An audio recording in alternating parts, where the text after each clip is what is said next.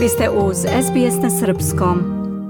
Slušate program na srpskom jeziku. Ja sam Biljana Ristić. Ostanite sa nama. Policija Novog Južnog Velsa saopštila je da će raditi na obezbeđivanju sigurnosti svih društvenih zajednica nakon propalestinskog protesta u Sidneju sinoć.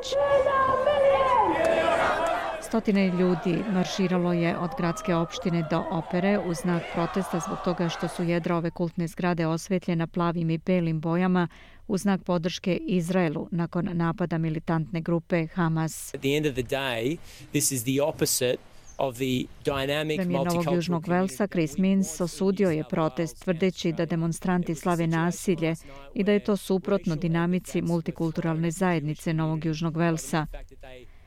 Ministar za uslužne delatnosti vlade Bill Shorten rekao je za Kanal 9 da je tako ponašanje neaustralijsko.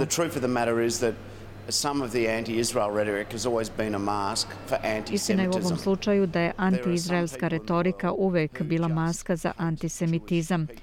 Postoje ljudi u svetu koji jednostavno mrze jevreje, što je dugo bilo u pozadini ove retorike.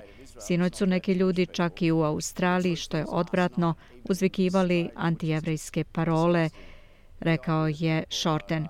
Upitan da komentariše, premijer Albanizi je dodao. I used my own language. Uh, I, I didn't see uh, the demonstration. Uh. Ja koristim svoj jezik. Nisam video demonstracije. Očigledno da sam bio ovde u Port Lincolnu sinoć ali tamo jeste viđen porast antisemitizma. Također sam zabrinut zbog islamofobije koja je uticala i na ovu zemlju, kaže Albanizi. Pomoćnik komesara policije Novog Južnog Velsa, Tony Cook, potvrdio je da je jedan čovek koji je držao izraelsku zastavu uhapšen i uklonjen sa protesta radi njegove sobstvene bezbednosti i sprečavanja kršenja mira. On kaže da će lokalna policija nastaviti da obezbeđuje sigurnost svih stanovnika Sidneja. Ovo je veoma emotivno pitanje za čitavu zajednicu. Nastavljamo da sarađujemo sa svim zajednicama. Ovo ovaj je Novi Južni Vels. Ne očekujemo da ljudi prenose sukob sa drugih mesta na ulice Sidneja i nasilje neće biti tolerisano. Uspeli smo sinoć da osiguramo da ne bude sukoba.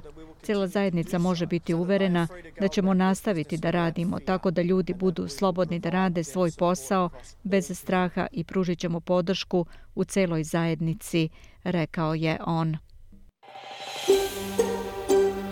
Želite da čujete još priča poput ove? Slušajte nas na Apple Podcast, Google Podcast, Spotify ili odakle god slušate podcast.